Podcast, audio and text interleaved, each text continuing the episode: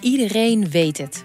Ongeluk plan je niet, het overkomt je. Toen heb ik een hele tijd weer moeten revalideren voordat ik zelf weer kon lopen. Ja, als je van tevoren had geweten, ja, dan weet ik niet of we er überhaupt aan waren uh, begonnen. Hoe zorg je voor jezelf als het leven tegenzit? En hoe houd je de regie? Je hoort die antwoorden in aflevering 23 van de podcastserie Zorg voor Leefkracht.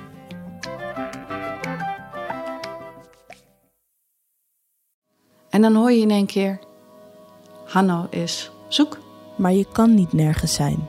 Niet levend of dood. Is die vrijwillig weggegaan? Is die gedwongen? Of, of, of wat ook maar. Zou die gewoon ontvoerd zijn? Mijn naam is Iris van den Boom. En samen met Ditya Kabba ga ik op zoek naar wat er is gebeurd met Hanno. Een doodgewone vader die van de een op de andere dag spoorloos verdween. Hè? Hanno? Hoe dan? Waarom dan? Open Eind, een podcast van het AD. Vanaf 27 mei te beluisteren via je favoriete podcast-app en ad.nl/slash podcast.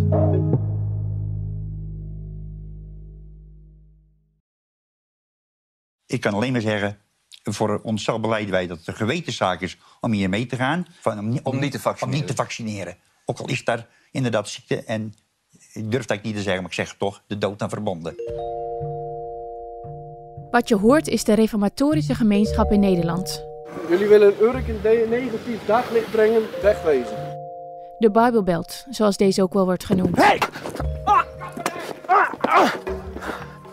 Hey, kappen! Kom op zeg, als jullie mans genoeg zijn om naar de kerk te gaan, ben ik toch ook mans genoeg om hier te staan, joh. Wat doe je nou?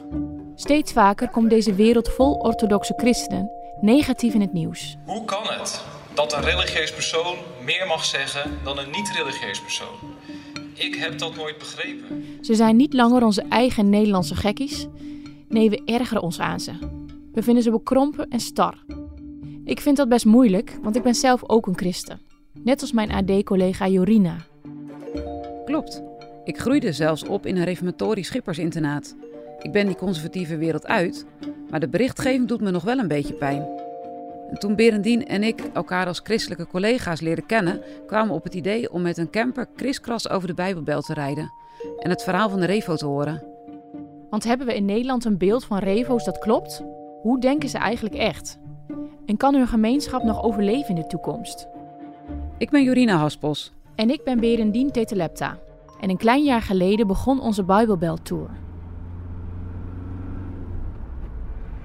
Ik loop je toe.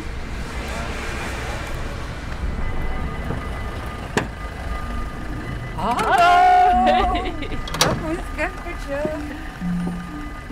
Wat een gezellig busje. Ja, leuk hè?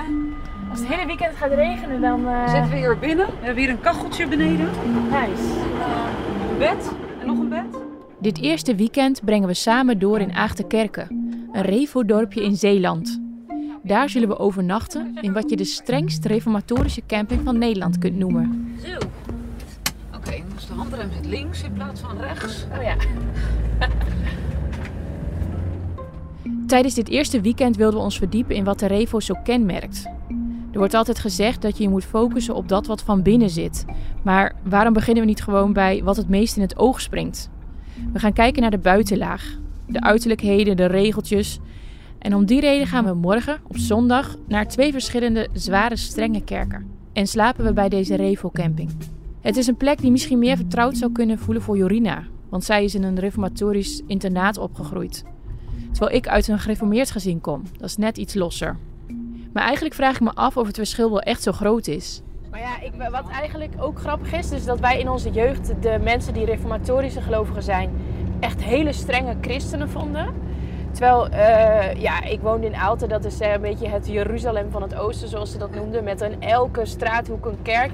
En wij ik denk dan soms, hoe, hoeveel strenger dan hoe ik het had, kan het eigenlijk. Want wij hadden ook gewoon elke dag uh, in, op school psalmen zingen, lied van de week, elke zondag naar de kerk, uh, uh, gym en sport allemaal op zaterdag, bidden en lezen aan tafel, bijbelezen. Dus ik denk, ja, waarschijnlijk... Je zelf ook best wel christelijk. Ja, ja, ik wil zeggen, hoeveel christelijker wil je het eigenlijk hebben? Nou ja, maar wat zwaarmoediger, denk ik. Of ja, Nou, wij Ja. vonden dan dat die anderen met rokken aan en knotten, dat die dan echt heel Ja, gelovig waren. ja. Terwijl ja, Maar ik denk dat dat zelf ook hebben gevonden, Ja, hoor, maar- maar... ik denk dat een buitenstaander dat ook al van mijn gezin zou vinden. Of van mijn eh, ja, gereformeerde jeugd. Oké, misschien is het op dit punt handig om even duidelijk te maken hoe de vork precies in de steel zit wat betreft het verschil tussen eh, mij en Berendien. Kijk, als je een lange liniaal pakt met alle gelovigen uit de protestantse kerken, dan heb je grofweg helemaal links de lichten. Ze nemen de Bijbel niet al te letterlijk. En helemaal rechts, dan heb je de refo's, de zware. Zij zien de Bijbel echt als het directe woord van God waar je echt met geen letter dingen aan mag veranderen. En dat zijn de mensen die we op gaan zoeken. En dan heb je ook nog andere stromingen, zoals de Gereformeerde Kerk, waar Berendien bij zat, of heel veel hervormde en katholieke kerken. Die zijn wat minder zwaar en hun geloof zie je ook niet zo goed aan de buitenkant. Nee, dus ehm, ja, om het simpel uit te leggen, reformatorisch is dus, ehm, die zitten bij de gereformeerde gemeente. En als je bij de protestantse kerk zit en je komt uit de gereformeerde hoek, dan zeg je dus, ik zit bij de gereformeerde kerk.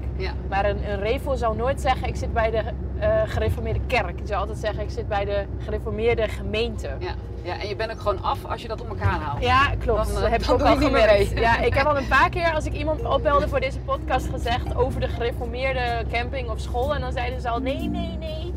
Reformatorische camping. Reformatorisch. Ja.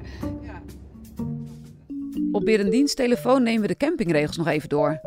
Natuurlijk moeten mannen broeken dragen en vrouwen rokken. Maar er was één regel die we niet echt zagen aankomen. Maar eh, op zondag eh, staan wij natuurlijk gaan we niet naar het strand. Ja, waarom niet? Ja. is dat mooie natuur? Ja, ik denk dat ik het wel weet. Ik denk dat het komt vanwege eh, mensen die in uh, schaarse kleding op het strand liggen. Ja, maar is dat dan op zaterdag niet erg? Ja, dat vind ik dan ook wel weer bijzonder. Nou, op zondag is wel een aparte dag of zo. Dat je het dan, Of eh, bedoelen ze gewoon, ik ga nooit naar het strand, maar natuurlijk zeker niet op zondag of zo. Er is een hele hoop dat je niet mag op zondag. Aankomen of vertrekken, vliegeren, fietsen, voetballen, eigenlijk bewegen.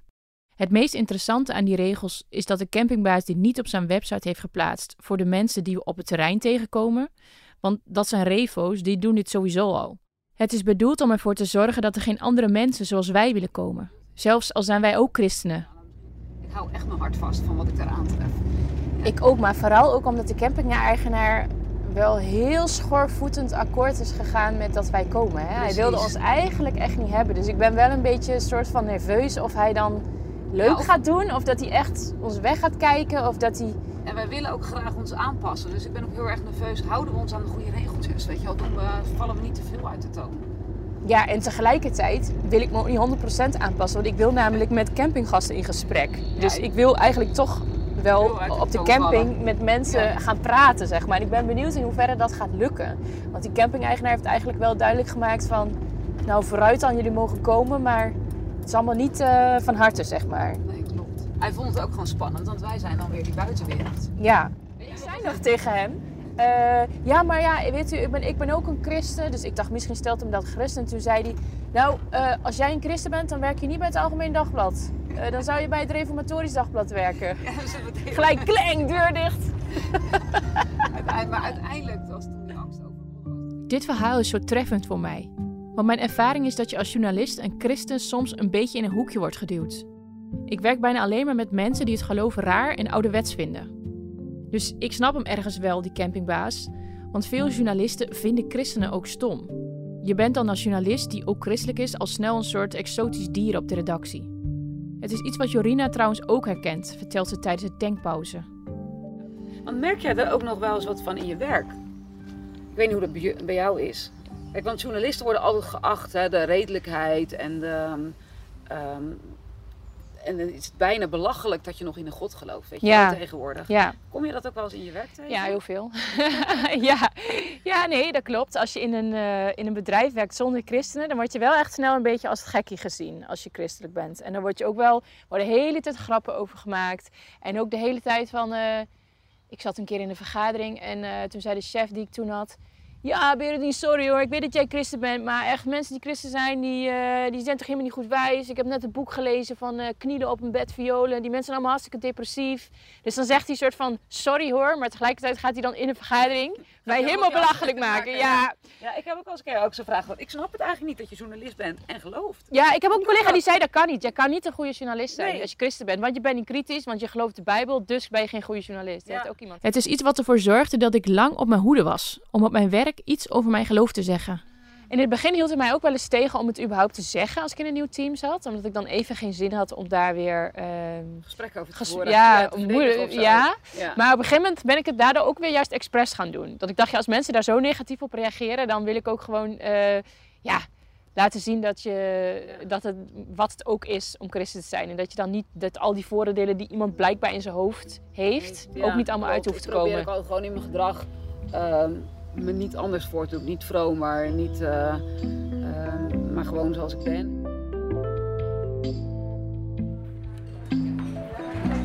We hebben nog één tussenstop gemaakt in een kringloopwinkel.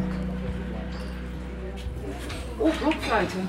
Blokfluiten is een heel goed eh, instrument Ja? om te spelen. Ja, ik heb blokfluit geleerd. Een dwarsfluiten Ik ook. Ik heb ook op orgel gezeten. Heel lang. Zes jaar. Het is een kringloopwinkel vol Revo-gezinnen, want we zijn op zoek naar iets. Niet naar een orgel, al is het wel een typisch instrument voor mensen die gereformeerd of reformatorisch opgroeien.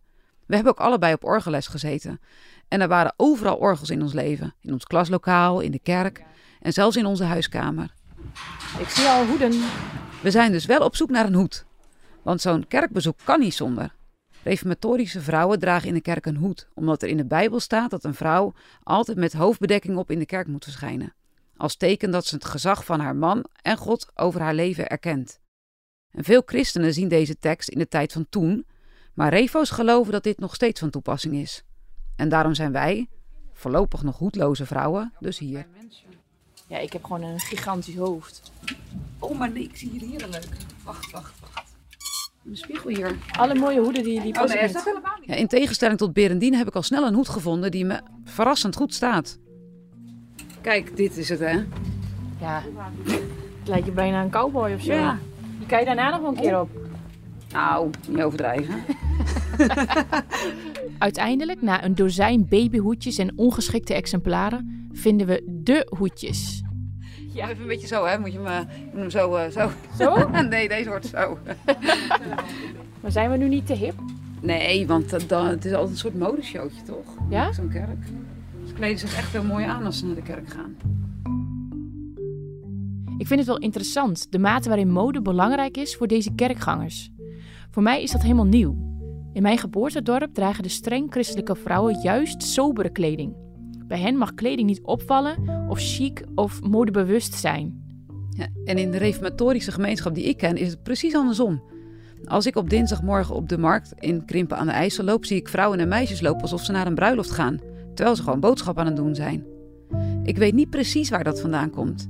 Maar daarom ontmoeten we nu Josine Drogendijk, modejournaliste. Ze zeggen ook altijd, als het goed is, herken je een revo aan zijn daad, gepraat en gewaad. Dus wat je doet en zegt, maar ook wat je draagt. Daad, Ja. gepraat en gewaad, ja. Josine is opgegroeid in de Bijbelbelt en weet alles over de revelcultuur en dresscodes. Die modeshow op zondag is volgens haar op sommige plekken echt een ding. Er wordt zeker om je heen gekeken. Ik, vaak ook, hè, je bent een, een half uur van tevoren voordat een kerkdienst begint, ben je al aanwezig. Dus heb je ook tijd genoeg natuurlijk, terwijl het orgel speelt, om om je heen te kijken. Eh, En ook een mening te vormen over wat anderen aan hebben, dat zeker. En ik kan me nog wel herinneren... Ze is ook professionele Maxima-watcher, onder andere voor het AD. Dat is trouwens ook iets typisch voor revo's, want zij mogen eigenlijk geen andere mensen vereren. Maar met het Koningshuis ligt dat anders, omdat God, zo geloven zij, het gezag aan de koning heeft gegeven. Het bloggen over Maxima ben ik op mijn dertiende mee begonnen. Ben ik blijven volhouden tot op de dag van vandaag. Dus ja, ik doe, ik doe van alles. Ja. Leuk, en dan is het ook altijd gericht op Maxima of dan ook nog meer op de mode? Nee, meer op de mode. Ik vind het altijd wel respect, want ik lees, ik lees ook vaak wat je dan eh, opgeschreven hebt. En dan, dan denk ik, jee, maar hoe kan je nou weten dat, iets, dat ze iets tien jaar geleden ook heeft gedragen? Nou, dat is dan misschien ook dat wat ik over heb gehouden aan mijn reformatorische opvoeding. En dat is dat Calvinistische. Dus op het moment dat ik besluit, oké, ik ga me specialiseren in koninklijke mode, dan moet ik van mezelf ook de beste zijn. Want als je gewoon denkt, nou, ik fladder maar wat in elkaar qua tekst, dat klopt niet met, dat voelt niet goed voor mij. Dus wat heb ik gedaan? Ik heb een overzicht gemaakt van al Maxima's outfits, van al Beatrix schalenjurk, van al Beatrix hoeden. Ik ben daar heel veel tijd mee kwijt geweest, maar dat idee daarachter is ook van wat je doet, moet je goed doen. Josine neemt ons mee naar de etalage van een winkel genaamd College Style. Elke Revo-vrouw kent deze kledingketen, omdat je hier rokken kunt kopen die nooit te kort zijn en waar topjes nooit een te diep decolleté zullen hebben. Nou, ik zit zo te kijken en uh, wat mij opviel allereerst was de leren rok. Er wordt vaak ook gedacht van nou, reformatorische mensen moeten zich per se heel ouderwets kleden. Terwijl ik het daar echt niet mee eens ben. Zeker in het modebeeld van nu, waarin langere rokken in de mode zijn, uh, vallen ze haast niet meer op. En wat me ook opvalt, dat is de broek. Het was echt jaren geleden was het ondenkbaar dat er ook een broek in de etalage zou staan bij college style. En ja, ik ben eigenlijk wel verrast dat ik dat nu wel zie. De stijl in de etalage zou je kunnen omschrijven als de country living look, bijvoorbeeld met een ruitbloesje. En wat opvalt zijn de opstaande kraagjes. Een typische revo-trend, zegt Josine. Wat verder vooral telt, is kwaliteit. Ja, je ziet toch wel bij de reformatorische hoek dat het uiterlijk belangrijk is. En dan niet zozeer om nou te pronken met wat je hebt, maar qua schoonheid, maar meer ook gewoon om verzorgd voor de dag te komen. Dus mooie stoffen, mooie beleidingen. En ja, daar hangt wel een prijskaartje. Ja, ja. Maar het is niet overal zo in de Bijbelbelt. Dit is tenslotte een groep van 500.000 mensen allemaal aangesloten bij verschillende kerken, met name als de oud-gereformeerde gemeente, de gereformeerde gemeente, de gereformeerde gemeente in Nederland. En daarom hamert Josine er tijdens het gesprek telkens op dat er verschillen kunnen zijn en dat het zelfs uitmaakt waar je woont vaak denken buitenstaanders dat de reformatorische wereld heel homogeen is. Hè? Dat iedereen hetzelfde is. Terwijl je hebt verschillen qua regio. Ik woon nu in de buurt van Kampen. En dan heb je bijvoorbeeld Genemuiden. En daar, gaat het, daar is het uiterlijk is daar weer veel belangrijker dan bijvoorbeeld een Urk. Daar zijn ze weer veel meer ingetogen gekleed. Dus regio kan verschillen. En daarnaast heb je natuurlijk ook gewoon verschillen per persoon. Dus het is misschien net als met al die verschillen tussen de kerken. De buitenstaander ziet amper het verschil. En Josine wijst ons ook op één universele regel. Denk ik ook wel heel belangrijk. Um, reformatorische kleding, um, over het algemeen, als je de Bijbel ook leest, en daar is dat natuurlijk ook wel grotendeels op geïnspireerd, dan moet het ook sober zijn, moet het ingetogen zijn. Dat is dit ook. Het is niet schreeuwerig. Als het goed is, is reformatorische kleding nooit schreeuwerig qua kleuren, qua beleidingen. En dat is dit ook. Het is keurig, het is netjes, maar je ziet toch wel dat de aandacht besteed is aan het uiterlijk. Kan je wel rokken boven de knie, knie vinden? Ja, toch? Ja, zeker wel. Zeker ook bij de jonge, voor de jongere generatie. En ik weet wel dat vroeger als ik naar de kerk ging, hadden we een dominee. En die zei altijd, meisjes let op, wees niet kort van stof en diep van inzicht. nou ja, dat ging dan over de kleding. Nu zal er geen dominee meer zijn die zegt wat Josine moet dragen. Ze is getrouwd, verhuisd en zocht een andere kerk op. Minder streng. Het is een hele bewuste keuze van haar. En waarom ben je er dan toch uit? Ja, omdat als ik de Bijbel las, dat ik gewoon tegen bepaalde dingen aanhikte. Dat ik dacht, ja, maar zo zie ik God niet, zo zie ik het leven niet. En je hebt natuurlijk, iedereen kan anders zijn qua persoon. De ene is wat meer recalcitrant, de andere is juist heel meegaand. Uh, en ik merkte gewoon dat ik steeds maar tegen die tradities opliep, die me als het ware als een soort, ja, als een soort must werden opgedrongen. Dat ik dacht, ja, maar dat is niet hoe ik het zie. En welke, dit, kan je dan voorbeelden noemen, waar, welke jij, wat je specifiek bedoelt? Um, ja, weet je, dat is, dat is, is voor ah, mensen voor de buiten, die buiten deze wereld zijn opgegroeid, die zal het misschien heel raak lijken. Maar of je een, een psalm zingt op hele of op halve noten. Of dat je uh, een rok draagt of een broek als vrouw. Of dat je lang haar mag hebben of kort haar. Of je haar mag verven of je oorbellen mag. Dat zijn allemaal maar bijzaken. Ik heb het nu even alleen over het uiterlijk ook, omdat, nou ja, ja, omdat we het hier toevallig over hebben. Maar zo zijn er ook dingen qua leer. Maar goed, het gaat natuurlijk heel diep om dat nu precies uit te leggen. Hoe dat allemaal zit met verzoening en met, nou ja, Later op een terras vertelt ze toch waar zij vroeger en veel jongeren nu nog, als het om het reformatorische geloof gaat, het meest mee worstelen. Het is misschien heel technisch, maar je hebt ook de uitverkiezing. Dat is dan echt zo'n thema binnen de reformatorische wereld. Uitverkiezing, wat dan betekent dat God eigenlijk van tevoren al weet welke mensen in de hemel komen. Omdat God alles kiest. Dus- de uitverkiezing. Het is het stukje van de geloofsleer waarmee de Revo-kerken zich het meest onderscheiden van de andere kerken en waar ook heel veel nadruk op ligt. De uitverkiezing is het idee dat God al voor de wereld geschapen werd, al heeft bepaald wie er wel en niet in de hemel komt. De mensen die in de hemel komen zijn uitverkoren. En die refo's geloven dat het per kerk maar een handjevol mensen zijn. Die hebben eigenlijk een soort gouden ticket. Alleen, hoe weet je nu dat je dat gouden ticket in handen hebt? Dat durven die mensen zelf amper te geloven, omdat ze zichzelf zien als echt hele zondige mensen die het niet waard zijn om in de hemel te komen. Het is een stukje van het Revo-geloof dat voor Berendien compleet nieuw was. En voor Josine was het juist een van de redenen om de kerk van haar jeugd te verlaten krijg je dan als reactie van ja, als God heeft gekozen dat ik in de hemel kom, dan kom ik er toch wel. En als hij me heeft gekozen van niet, dan kan ik net zo goed mijn leven hier leiden. En dat is een van de zaken waar heel veel, vooral ook reformatorische jongeren tegenaan lopen. Van ja, wat heeft het dan voor zin? En dat vind ik wel heel verdrietig, omdat als je de Bijbel leest, dan lees je dat het wel degelijk zin heeft. En ik weet al dat ik een keer in de kerk zat, ergens, en dat de dominee zei dat, nou ja, dat zelfs met het bidden deden we God verdriet, want zelfs het bidden was zondig. En toen dacht ik, ja, maar als dat is wat je als dominee wilt vertellen Uiteindelijk is Josine geen verbitterde ex-revo. In de auto luistert ze nog naar de koormuziek die ze vroeger zong. En de mensen van haar oude kerk zeggen nog vrolijk hallo tegen haar als ze tegenkomt. En van haar jeugd herinnert zij zich vooral een soort saamhorigheid die ze nog niet op andere plekken in Nederland heeft gezien. Misschien wordt mijn vader boos als ik het vertel, maar ik weet als klein meisje, als er dan iemand overleed in de gemeente, dan ging ik bij mijn vader achter op de fiets met een envelop met geld erin. En dan moest ik in het donker die envelop in de brievenbus gooien, zodat ze de begrafenis konden betalen. En dan mochten ze vooral niet weten dat wij dat waren. Dus ik moest dat dan doen. En dat, dat omzien naar de ander, dat oog hebben voor de ander. Kijk, vaak als mensen aan de reformatorische wereld dan denken ze: oké, homo's mogen niet, broeken mogen niet voor de vrouwen. Al maar dat, dat mag, niet, mag, niet, mag, niet, mag niet, Dat, ja. ik heb een andere herinnering.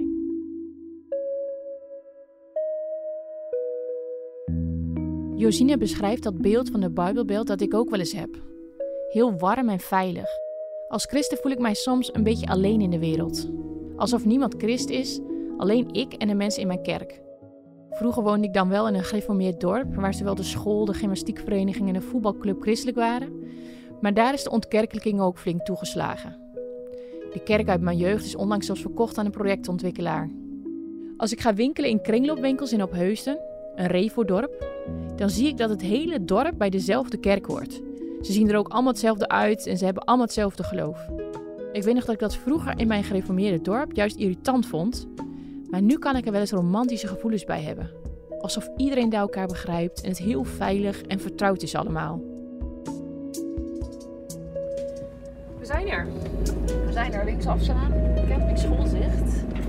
We komen aan op de camping is er de receptie, altijd eerst melden. Ook wel een beetje spannend, want heel blij was de camping-eigenaar nou ook weer niet met onze komst.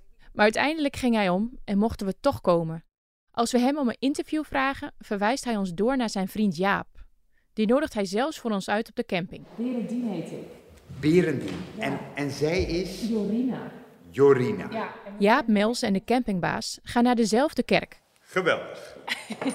Ik ben er klaar voor. U bent er klaar voor. Ja, het klinkt ook wel alsof we in een kerkzaal zitten. Hij kent Aagterkerken als zijn broekzak. En hij is heel open. Uh, ik, ik, ben geboren en getogen in Achterkerken. En ik heb nu uh, de aanvallige leeftijd van 68 jaar. Nooit vertrokken. Ik heb mijn roots hier. En ik ben bij mijn roots gebleven. In welke kerk bent u? De campingbaas vindt hem de perfecte persoon om te praten. Dat doet Jaap nogal makkelijk, zegt hij. En dat klopt ook wel. En hij blijkt als oudere man een nogal ouderwetse inborst te hebben. Dat wordt duidelijk als Jorina binnenloopt nadat de ANWB onze camper heeft gefixt. Die begaf het namelijk net toen we het terrein van de camping wilden oprijden. Jorina weer binnenlopen, hoe gaat het met de camper? Goed, hij doet het weer. Ja, maar ook als we straks, als die weer ook, uit... Ook, want was de klem was gewoon losgeschoten van de accu buiten van de, van de zwarte kant. Ah, ik neem aan dat het een mannelijk iemand van de ANWB was. Er was een mannelijk iemand van de ANWB. Kijk, zo zien we weer, vrouwen die kunnen mannen niet missen. ja, dat is het. Ja, ja. Toch? Ik denk dat, dat ze ook vrouwelijke monteurs hebben, maar... Dat blijkt nu heel praktisch. Daar heb je het weer, hè? Maar ik kon wel zelf altijd eh, de accu oh, met behulp van een andere auto zelf opladen. Ik weet de startkabel te vinden, ik weet waar ze op moeten. Ja, ja, maar als erop aankomt, de conclusie is, jullie hebben mannen nodig. Ja. ja, dat is heel duidelijk. Ja, ja. ja toch denken wij dat we niet zo dingen... Kan de man wel zonder de vrouw? Nee. Nee, oké. Gelukkig. Daar ben ik ook eerlijk in, hè? Precies. En dat is ook vast voor meer dan alleen het eten koken. Zo is dat. Meneer, had net al even verteld ja, een man met traditionele waarden dus. Maar hij is ook iemand die heel veel voor de gemeenschap betekent. Als een uh, geïnspireerde jongerenbegeleider, is wethouder, raadslid. Maar hij is ook hartelijk en warm, ook tegen ons. En hij is al met heel veel andere mensen anders gelovig in aanraking gekomen. Ik verwacht eigenlijk dat hij dan ook niet zo zwaar meer tilt aan allerlei regels. Maar dat is niet waar. Ook Jaap Melzen zou niet naar het strand gaan op zondag. Ja, nou, kijk, als je naar het strand gaat, laten we wel zijn, uh, de dag, uh, de zondag is gegeven, dat, dat, dat, dat, dat beleiden we ook, dat we tot eer van God die dag doorbrengen. Proberen door te brengen. De kerkdiensten bijwonen, aandacht voor elkaar. En niet dat je van de nu, nu een hele bezoekdag moet gaan maken, hè, maar, maar gewoon als gezin doorbrengen eh, zo, zo, zoals God van je verwacht. En dan zeg ik, daar hoort strand op zondag niet bij. Daar ben ik ook eerlijk in. Maar als je naar het strand gaat, ja, kijk, daar, daar kunnen we van allerlei dingen van, eh, van zeggen. Bijvoorbeeld, ik heb wel eens een discussie met iemand gehad en die zegt van, ja, maar als ik naar het strand ga, dan zie ik eh, eh, de, eh, de grootheid van Gods schepping. Ook ik zei, vriend, dat, eh, eh, hè? dat is mooi dat je zo ziet. Maar ik zeg, daar hoef je niet voor naar strand op zondag. Want ik zeg, als daar die vrouwen lopen, een beetje eh, met, met, met, met een bepaald badpak of, of eh, eh, bikini of noem maar wat. Ik zeg, joh, dan kun je toch ook weer wel eens wat anders denken misschien. Snap je? Om, om, Dat is dus typisch voor de Revo-gemeenschap, die focus op die zondige gedachten. Niet alleen de verkeerde dingen doen is al een zonde, eraan denken kan al een probleem zijn. Dus moeten die verkeerde gedachten voorkomen worden door bijvoorbeeld niet naar het strand te gaan. Maar dat er dan in de Revo-gemeenschap vooral heel veel dingen niet mogen, dat vindt hij dan weer niet kloppen. dat moeten we omdraaien, want alles mag. Ja. ja? Ik, ik weet nog van eh, destijds, dat was in die tijd, ik ben natuurlijk al een jaartje ouder, met eh dominee van Vliet en die zei toen eens op een jeugdvereniging, die zegt van, joh, neem nu gewoon als maatstaf. Als je nu bijvoorbeeld daar of daar naartoe gaat, dat geldt natuurlijk ook de kroeg, kun je daar dan voor bidden, Heere bewaar me in de kroeg. Gewoon dat. En als je dan voelt dat lukt niet, bij twijfel niet inhouden. Maar hij geeft wel toe dat het een stuk makkelijker is als je kan terugtrekken in je bubbel. Om je te houden aan de Bijbelse leefstijl, zoals zij dat zeggen, ook als jongeren.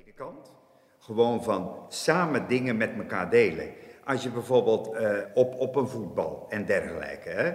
En, en, en er wordt weer een feest gehouden van, eh, van die tjoeke muziek hè? En, de- en dergelijke. En dan moet je elkaar wel vasthouden. En dan is het gewoon heel waardevol. Wij hebben dat ook ervaren. Als je Dat klinkt logisch. Het is een stukje veiligheid. Je hoeft niet steeds vragen te stellen of voortdurend aan anderen uit te leggen waarom je iets wel of niet doet. En in een wereld waarin steeds minder mensen leven zoals jij, kan dat misschien wel prettig zijn. We wandelen terug naar onze camper. Het is rustig op het terrein, want het naseizoen is begonnen. Zeg je? Echt gênant chic. Heel erg, hè? Heel erg. Dat ja. Dit vind ik dan nog wel mooi, maar het andere, dat is, dat vind ik dan ook zo. Ik zie veel luxe vakantiehuisjes. Er is eentje zelfs helemaal met een rietgedekte kap. Dit is wel, wel ongelooflijk aangeharkt allemaal. Ja, en eh, te veel geld. Ja, De tuinen zijn aangelegd met boompjes, met siergras, alles volgens de laatste trend. En waar je naar binnen kijkt, zie je chique meubels.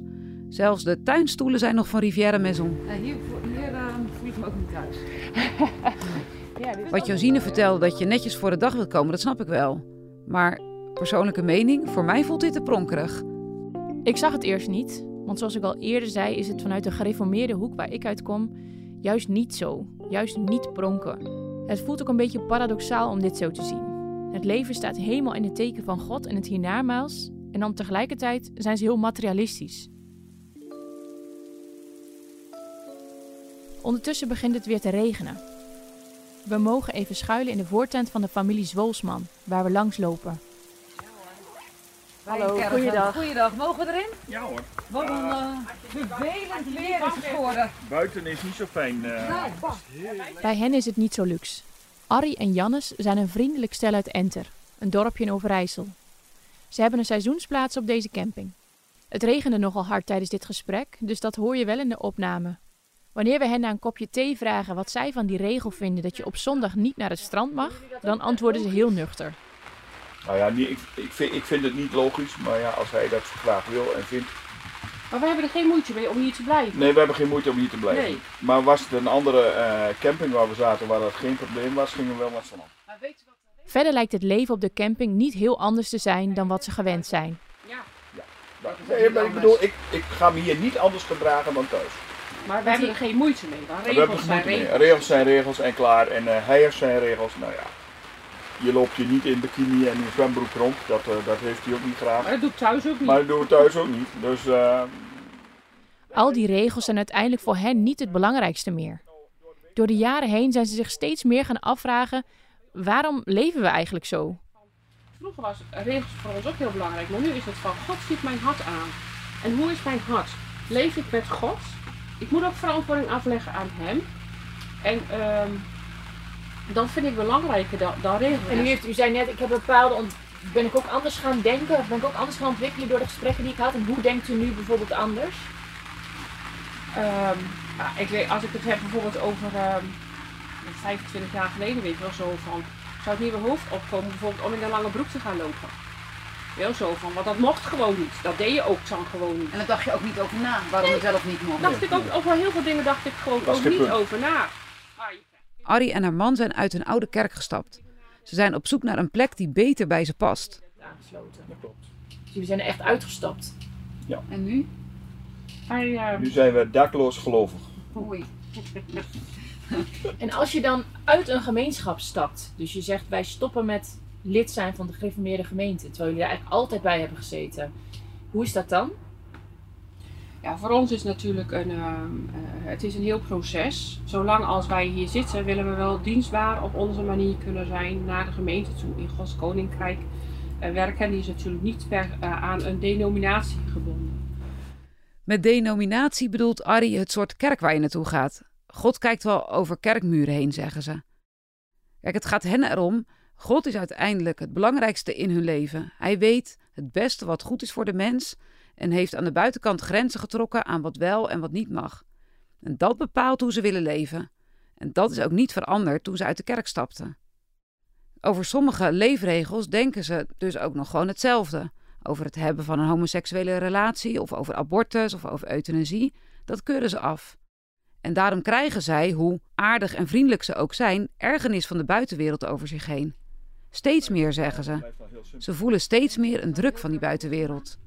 Al- Als, je, eh, als er dan geen begrip meer is voor degene, ehm, wel zo, we moeten allemaal denken zoals de grote bus denkt. En dan denk ik van, hoezo? Waarom mag ik niet geloven wat God van mij, wat God mij voorhoudt? En dan kaart Arrie iets aan wat we al eerder hebben gehoord. Een angst waar ze niet alleen in staat. De wereld van, er zijn natuurlijk al heel veel landen waar er vervolging is van de christenen. En ik heb ergens gelezen dat ze verwachten dat binnen een tien jaar in Nederland ook zoiets komt. En soms denk ik wel, oh, mijn kleinkinderen. Hier, hier heeft u ze. Zorg u er alstublieft voor. Oh, ik word alleen maar bang van deze wereld. Maar dat wil ik niet, want de beste toekomst die komt nog. Organisaties zoals Open Doors houden bij waar in de wereld christenen hun geloof niet mogen uitoefenen. Christenen in Nederland worden er met regelmaat op gewezen, via nieuwsbrieven of op zondag in de kerk, dat veel gelovigen in de wereld niet in het openbaar Jezus mogen volgen. Ook in de kerk van Jorina en mij wordt veel gebeden voor vervolgde christenen. Het is een onderdeel van het christendom, zou je bijna kunnen zeggen, om stil te staan bij mensen die hun geloof niet mogen uitdragen. Daar wordt u bang van. Nou, weet je wel zo van dat ik denk van wat voor wereld gaan we gaan, gaan wel zo van, ik heb het grootste gedeelte gehad van mijn Mhm. leven. Maar mijn kleinkinderen, die zijn nog, nu nog geen tien, je wel zo. Dus die hebben nog het leven nog voor zich. En denk ik, krijgen die net zo'n leven als straks in die vervolgde landen? Wel zo, waar, die, waar de christenen vervolgd worden? Ik vind dat best wel. eh, dan heeft u wel echt erge zorgen als u echt bang bent dat, ze, dat uw kleinkinderen opgroeien als, als Chinezen of als, als christenen in China of als christenen in Iran of als. Dan, ja, dan, dan heeft u wel. Dat zou kunnen, ja. ja dat zou Ja, dat echt zou wel kunnen. Voelt het zo al dat het die kant op gaat? Ik, ik, ik, ik heb wel iets van, weet je wel zo, van de openbaringen staan natuurlijk vol met eh, het tekenen van de eindtijd. En dan wil zo ook in Christus zeggen, de ene zegt van wel en de ander zegt van niet. Na, eh, nadat de Heilige Geest is uitgestort, leven we in de eindtijd, zeg maar, want dat heeft de Heer zelf gezegd. Dus maar goed, we zijn nu al ruim 2000 jaar op weg daarin. En je ziet gewoon van dat het net zich om christenen gaat omslu- o- omsluiten. Weer zo, want het grootste gedeelte eh, je zegt net van wel zo, er is steeds meer onbegrip ervoor. Maar dat hoort er gewoon, in mijn ogen, is dat gezegd. Er zal steeds meer onbegrip zijn voor mensen die Jezus willen volgen. Arrie haalt het slot van de Bijbel aan waarvan wij ook geloven dat het ooit zal gebeuren. Maar is dat nu al zover? Arrie heeft er al angst voor. Waarom moet zij denken zoals de grote Bubs denkt? Dat is een gevoel waar Arie niet alleen in is. In de hele gemeenschap vertellen mensen ons over de angst om verdrukt te worden. En dat gevoel wordt dan nog weer telkens versterkt door de kritiek die ze krijgen over moeilijke maatschappelijke thema's. Bij ons busje hebben we het er nog even over. Nee, en ik geloof zelfs dat, dat, dat, ehm, dat die reformatorische christenen gewoon hun eigen principiële standpunten kunnen houden. Zeg maar over abortus, over, ehm, over homoseksualiteit. En... Ja, daar twijfel ik wel een beetje aan. Of dat... Maar aan de andere kant denk ik ook, kijk, de maatschappij pikt dat niet meer. Die standpunten van Revos over homoseksualiteit, abortus, al, al die onderwerpen. Maar tegelijkertijd, als zo'n grote groep conservatieve Nederlanders dat vindt, niet alleen christenen, maar ook moslims en andere conservatieve niet-gelovige Nederlanders, dan, ja, dan roei je zo'n gedachtegoed ook niet zomaar Nee, uit. Daarom. Dat, daarom. dat blijft Dus daarom- ook wel bestaan, Precies, denk ik. precies. En daarom denk ik dat het allemaal wel meevalt. Maar de belangrijkste reden dat zij dit zegt is denk ik omdat in de Bijbel staat dat er een dag komt dat, dat iedereen zeg maar ehm, ja, verguisd zal worden die achter Jezus staat. En christenen zijn dan altijd heel erg geneigd om allemaal tekenen nu te zien. Ja. Van oh, iemand zegt dat ik niet in Jezus mag geloven. Oh, dat staat ook in de Bijbel. Dus die, die vervulling of die profetie komt nu uit. Precies, ze leggen zo. toch altijd de krant weer naast de Bijbel. Ja, en ja, dan ja. kan de dominee zondag nog zo hard zeggen, dat moet je niet doen, maar het gebeurt toch. Ja, ik denk dat de- krantjes die dan eh, je, die, al die eindtekenen toch iedere keer eh, benoemen. En Ik denk dat dat het vooral is. Want ik, ik kan mezelf totaal niet voorstellen dat je in Nederland eh, de gevangenis in zou gaan omdat je christen bent. Maar omdat zij dat in de Bijbel lezen en ze zien zeg maar, weerstand tegen het christelijk geloof, dat is er wel overduidelijk. En er zijn natuurlijk ook landen in de wereld waar je het echt niet mag. Ja. Er worden natuurlijk doodstraffen uitgedeeld omdat je dan toch christen bent. Ja, dan is voor hen 1 en 1 is 2, Ja. denk ik. Ja, maar het is dus wel een angst waarvan ik me ook altijd afvraag eh, in Nederland of ze het niet heel graag soms ook willen. Dat ze daarmee bijna die... de- Martelaarschap. de- martelaarschap, ja. Ja. Dat ze daarmee willen afdwingen dat, eh, eh, dat Jezus maar heel snel terugkomt. Klopt. Ja. En dat ze bijna zo willen zijn als die echte gelovigen die... Dat ondanks dat ze vervolgd worden, toch blijven gelovigen. Daar zijn ze misschien zelfs al een beetje jaloers op. Ja. En dat ze dat heel graag willen. En dat is misschien ook wel een beetje wat ik bedoel bij, ehm, ook zoals bij Arie. Ik, dat ging bij ons in mijn jeugd niet anders. Ik moest bijbelteksten uit mijn hoofd leren. Want stel nou dat het zou worden zoals in Rusland. Dat was toen nog de Sovjet-Unie. Die hadden geen bijbel meer. Dus als jij maar die bijbeltekst uit je hoofd kent, kijk. Oh, dus jij bent al helemaal zo klaargemaakt voor, voor ja. straks, dan worden we Ja. vervolgd en dan. En wordt dat realiteit? Ik ben nu eh 46. Eh, de basisschool is echt al een poosje geleden. Maar dan Dus zit naar dat- gevoel niet echt veel veranderd. Maar dan zit het wel heel erg in de revelwereld, denk ik. Want dit heb ik in mijn jeugd echt nooit gehoord. Van, oh, straks dan kunnen we niet meer geloven. Of, eh, Nee, nee ik, dat zat er altijd wel een beetje in.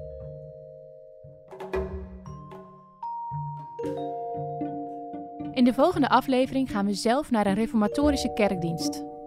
Bij Jorina komen dan jeugdherinneringen naar boven. En voor mij gaat er een nieuwe wereld open. Het is voor ons allebei even schrikken.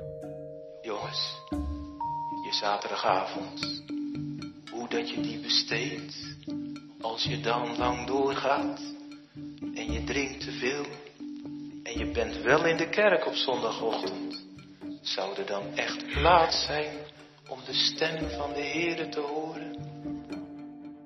Dit was een podcast van het AD en de aangesloten regionale dagbladen. De podcast is gemaakt door mij, Jorine Haspels en Berendien Tetelepta. Montage, productie en sounddesign door Mona de Brouwer. De eindredactie door Kevin Goes.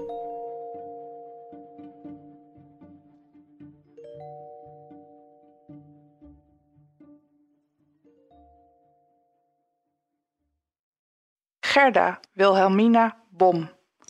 1 jaar. Jacobus Smalheer van de Bos, 56 jaar. Wist je dat er na de watersnoodramp van 1953 nog altijd 105 vermisten zijn? Ja, kijk. Zeven maanden. Voor nabestaanden is het als een wond die nooit helemaal geneest. Hij vond dat wel erg. Hij was eh, twee zussen kwijt. Waar, waar zijn ze? Jan van den Hamer verloor twee tantes en hun lichamen werden nooit gevonden. Nooit niet over gesproken. Nooit. Dus als een groot onderzoek kans op antwoorden biedt, twijfelt Jan geen seconde. Mijn vader en moeder hebben er ook niks mee aan. Maar die zou het ook dolgraag geweten hebben. Hé, wie, wie of wat. Dat weet ik pertinent zeker. Hij staat DNA af. Maar lang niet alle mensen die nog familieleden missen, doen mee. Het is net een oude wond die je weer open maakt en waar je ja, waarschijnlijk eh, misschien last van kunt hebben. In De Vermiste van 53 vertellen we het verhaal van de intense zoektocht naar de antwoorden op de laatste vragen van de watersnoodramp. Blijven zoeken naar, naar je vader. Of naar je kind, of naar je zus, je broer. Waar zijn de lichamen van de vermisten? Voor iedereen is er een graf. Ook al bij je vermist, er is een graf voor. Nu de laatste ooggetuigen nog in leven zijn, dringt de tijd meer dan ooit. Ik heb DNA afgestaan. En toen op een gegeven moment, toen, uh, ja, dat, dan komt dat toch wel even binnen. Uh, ik werd opgebeld. We hebben een, een match. Ik ben Noortje de Kroon. Ik maak deze podcast samen met Rolf Bosboom. Je vindt de afleveringen op pct.nl slash podcast, ad.nl slash podcast, de sites van de aangesloten regionale dagbladen en natuurlijk je favoriete podcast app.